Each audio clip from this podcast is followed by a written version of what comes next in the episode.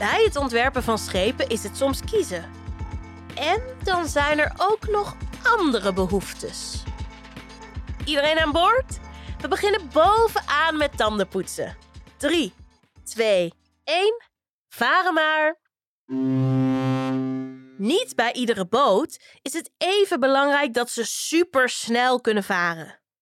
Soms moeten er ook keuzes gemaakt worden. Moet een boot supersnel zijn? Of moet hij heel veel kunnen vervoeren? Vrachtschepen zijn gigantische schepen waarop spullen de hele wereld over worden vervoerd. Zulke schepen staan vol met containers, wat ze heel erg zwaar maakt. Hierdoor zakt een schip dieper in het water.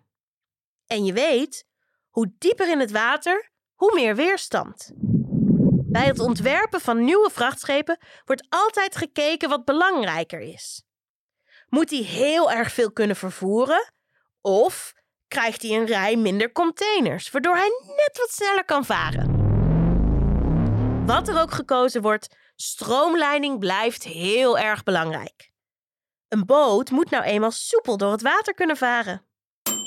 Draai nu je tandenborstel om en begin je ondertanden te poetsen. Bij het ontwerpen van boten en schepen wordt tegenwoordig ook rekening gehouden met de behoeftes van de bemanning. Zo is er een keuken aan boord en ook een toilet. Dat was vroeger wel anders. In de houten schepen waar de VOC lang geleden mee voer, was wel een soort toilet aanwezig. Dit was een klein kamertje aan de zijkant van een schip met een gat dat hoog boven de zee uitkwam. Door dit gat viel de poep of de plas zo plops in de zee. Wee, ik ben een supersnelle drol.